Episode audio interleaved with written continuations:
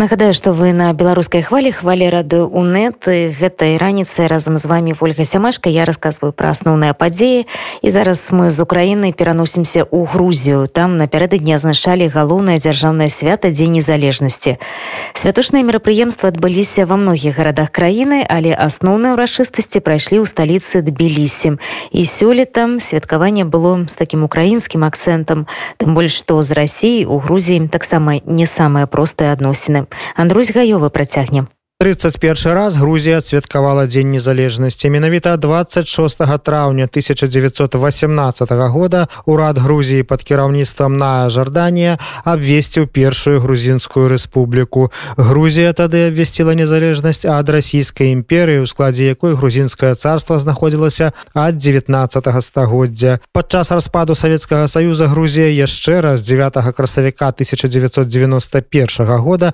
абвясціла незалежнасць на паставе паставіў усё той жа дэкларацыі аб незалежнасці ад 26 траўня 18 -го года. Але сёлетняе святкаванне было своеасаблівым. Па-першае гэта першае шырокамасштабнае святкаванне дня незалежнасці за апошнія тры гады. З 2020 года пандемія кавіду прымушала рабіць святы гэткімі камернымі.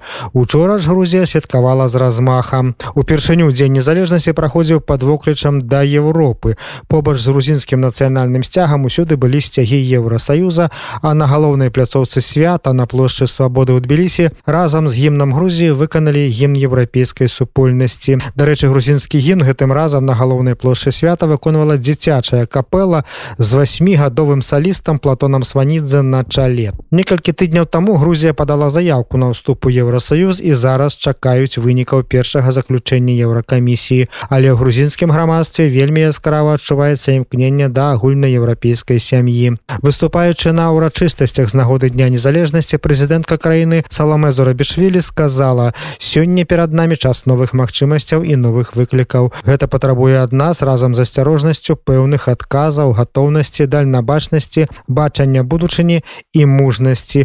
Патрабуе перш за ўсё і я гэта скажу столькі разоў колькі спатрэбіцца адзінства таксама яна закранула тэму самаабвешчаных не без удзелу Росіі рэспублік на поўначы краіны абхазіі паўднёвай асеці днямі з'явілася інфармацыя што Грузія можа скарыстацца вайной ва ўкраіне каб вярнуць пад свой кантроль гэтыя тэрыторыі ваенным шляхам. Зурабішвілі учора назвала гэта чарговай відавочнай расійскай дэзінфармацыі звяртаючыся да жыхароў абхазіі з хінвальскага рэгіёну яна сказала я пацвярджаю што Грузія вайной і сілай нічога не плануе супраць вас. Сёння ўсім зразумела якая краіна пагражае суверэнітэту ідэнтычнасці і жыццю сваіх суседзяў. І гэта не гру Грузія. Саломе Зарабішвілі прапанавала абхазцам і асецінам далучыцца да адзінай еўрапейскай будучыні. Чырвоная стужкай праз усё свята і настроі жыхароў Тбілісі ў гэты дзень праходзіла тэма расійска-украінскай вайны. Тбілісі зараз проста стракаціць украінскімі сцягамі. На свяце было вельмі шмат людзей, якія атрымалі ў руках разам з маленькімі сцяжкамі Грузіі і сцяжкі ўкраіны. Мы запыталіся ў жанчыны, якая стаяла з такім наборам сімвалаў, чаму яна прыйшла на свята незалежнасці Грузіі са сцягам Украины разом со своим национальным. Я вам скажу такое. Вы знаете, с 90-х годах 20 века вот это явление уже наблюдается по всему миру. А, то есть люди уже начинают бороться за свою идентичность. И вот тут уже возникает такой вопрос. Значит, борьба за идентичность не должна восприниматься как сепаратизм, понимаете? Любой народ имеет право на самоопределение. И вот в советском пространстве, когда нивелировано было все, уже настолько было э, все русифицировано, что э, возмутились люди. Не только коммунистической идеологии, а каждый народ хочет э, быть самостийным. Вот одно украинское слово знаю. Я желаю Украине победы. Я, понимаете, думаю, что российская политика ошибочная что русские встали на ложный путь. Это неправильная политика. Вот здесь ходят туристы, они говорят, мы не поддерживаем. А если вы не поддерживаете, выйдите и скажите. Ну как же это можно? И какая цель, я не понимаю. Что, русские хотят всю Украину взять? Ну хорошо, призна, признайте, говорит, Донецк, признайте, говорит, Крым. А теперь что? Признать еще Мариуполь, признать еще дальше и дальше? Ползучая аннексия. И бессмысленное. Все равно они выйдут обратно. Абхазия – это Грузия, и тем более Южная Осетия – это Грузия.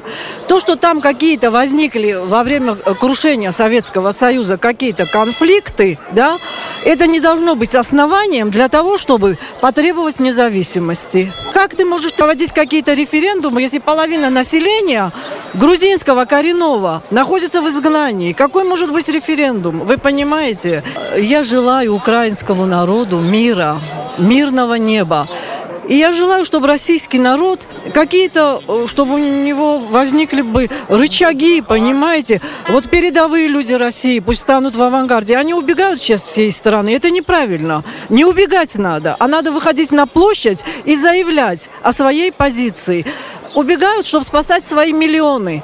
Не надо так поступать. Надо оставаться и бороться. Вот так выйти и сказать то, что им есть сказать. Отсюда я скажу Владимиру Путину, что он не прав. Россия обязательно выведет обратно э, все свои войска со всех территорий, которые она заняла.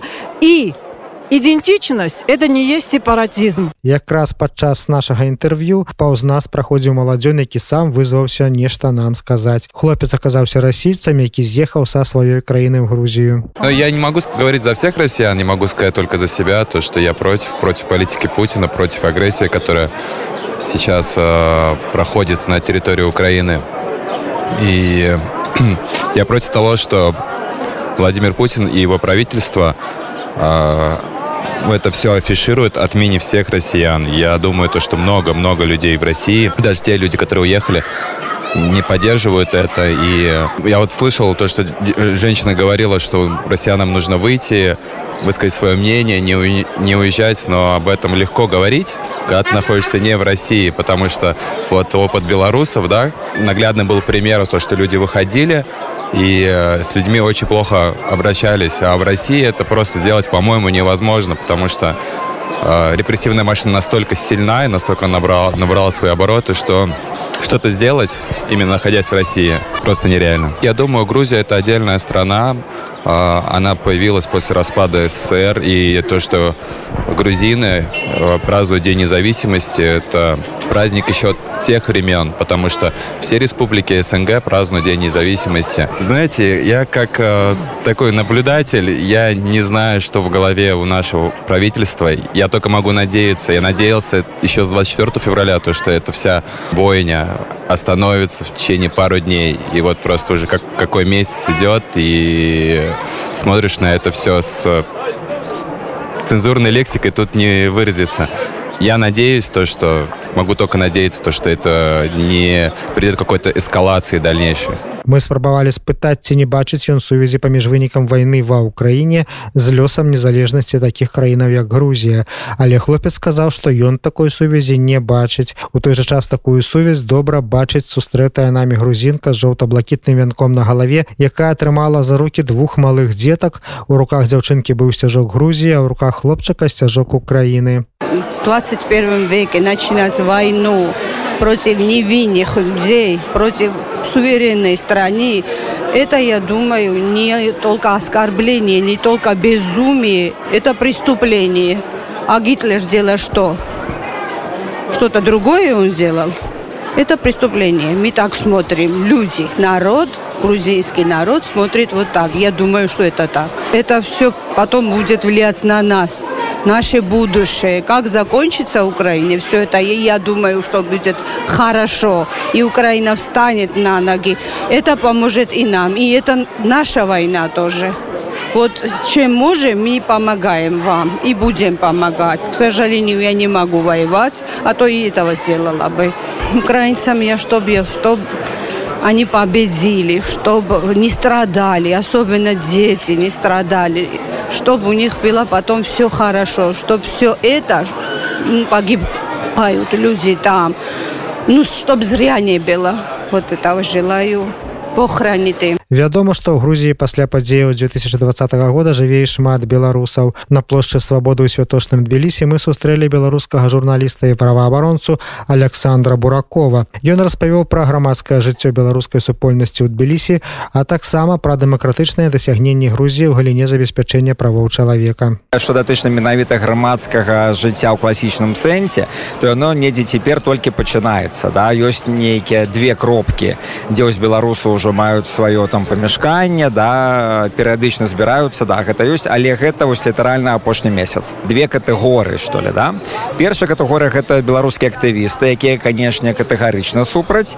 Ось а другая катэгорыя гэта айцішнікі людзі з грашыма якія прыязджаюць э, у грузію да? Тут адбыліся ёсць шмат беларусаў якія здымаюць вельмі дарагое жыллё.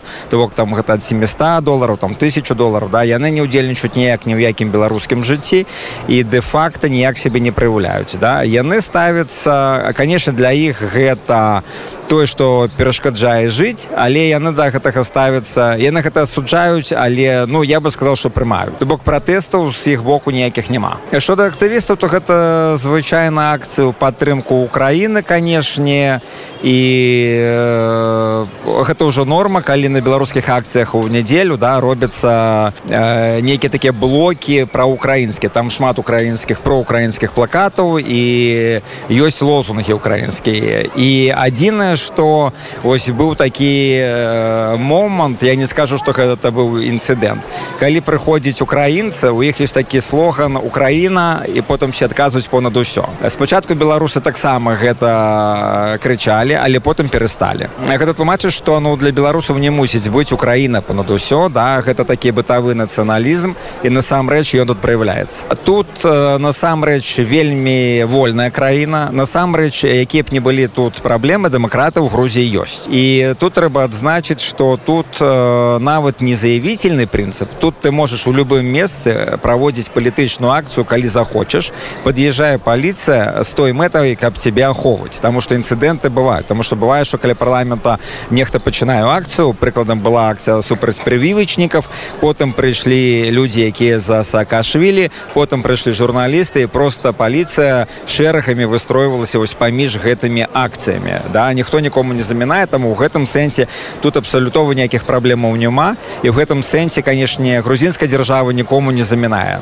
То бок з пункту гледжання свабоды сходаў гэта амаль што ідэальна умовы падчас урачыстай імпрэзы на плошчы свабоды адбіліся навабранцы грузінскіх узброеных сілаў прынялі прысягу. Потым адбыўся парад вайсковых падраздзяленняў якім узялі ўдзел і амерыканскія ваенныя інструктары якія ўдзельнічаюць у падрыхтоўцы грузінскіх вайскоўцаў. Над плошчай праляцелі вайсковыя верталёты адзін з якіх нёс сцяг грузія другі сцяг ес а таксама вайсковыя самалёты якія расфарбавалі неба ў колеры грузінскага нацыянальнага сцяга. Так шчымліва падобныя на нашыя родныя бела-чырвона-белыя. Цягам дня на прасп праспекце шато руставелі які зрабіўся пешаходным адбываліся народныя гулянні з выступамі самадзейных артыстаў вынасным гандлем і маршамі дзіцячага аркестра а скончылася свята вялікім гала-канцэртам грузінскіх музыкаў на плошчы рэспублікі ды салютам